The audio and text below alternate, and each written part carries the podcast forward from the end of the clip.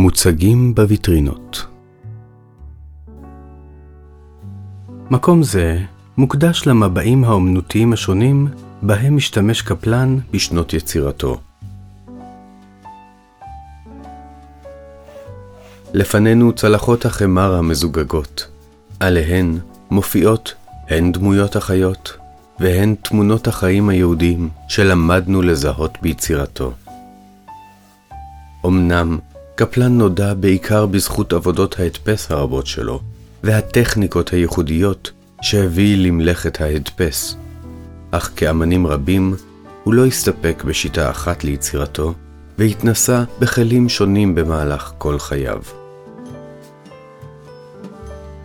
לפני תצוגת הצלחות ניצב שולחן מאורך, ועליו, מצד אחד, צמד הדפסים מאחת מסדרותיו על הספר טוביה החולב.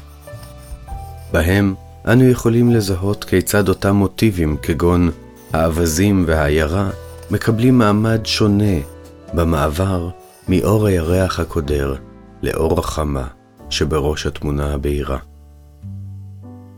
אחריהם ניתן לראות את העטיפה הקדמית של האוגנן, שבתוכו נמכרה מהדורת הדפסים של סדרת החייט המחושף.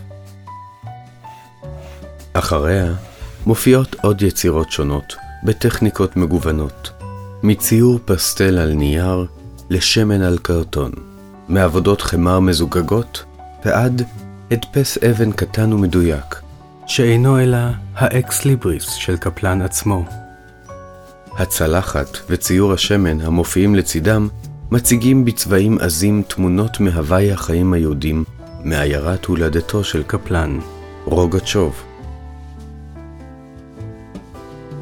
מול הצלחות, מצידו האחר של השולחן, אנו רואים מבחר של פסלים גסים וכמעט נאיבים בעיצובם, אותם יצר קפלן בשנות ה-70, והוא אמן בשנות בינתו.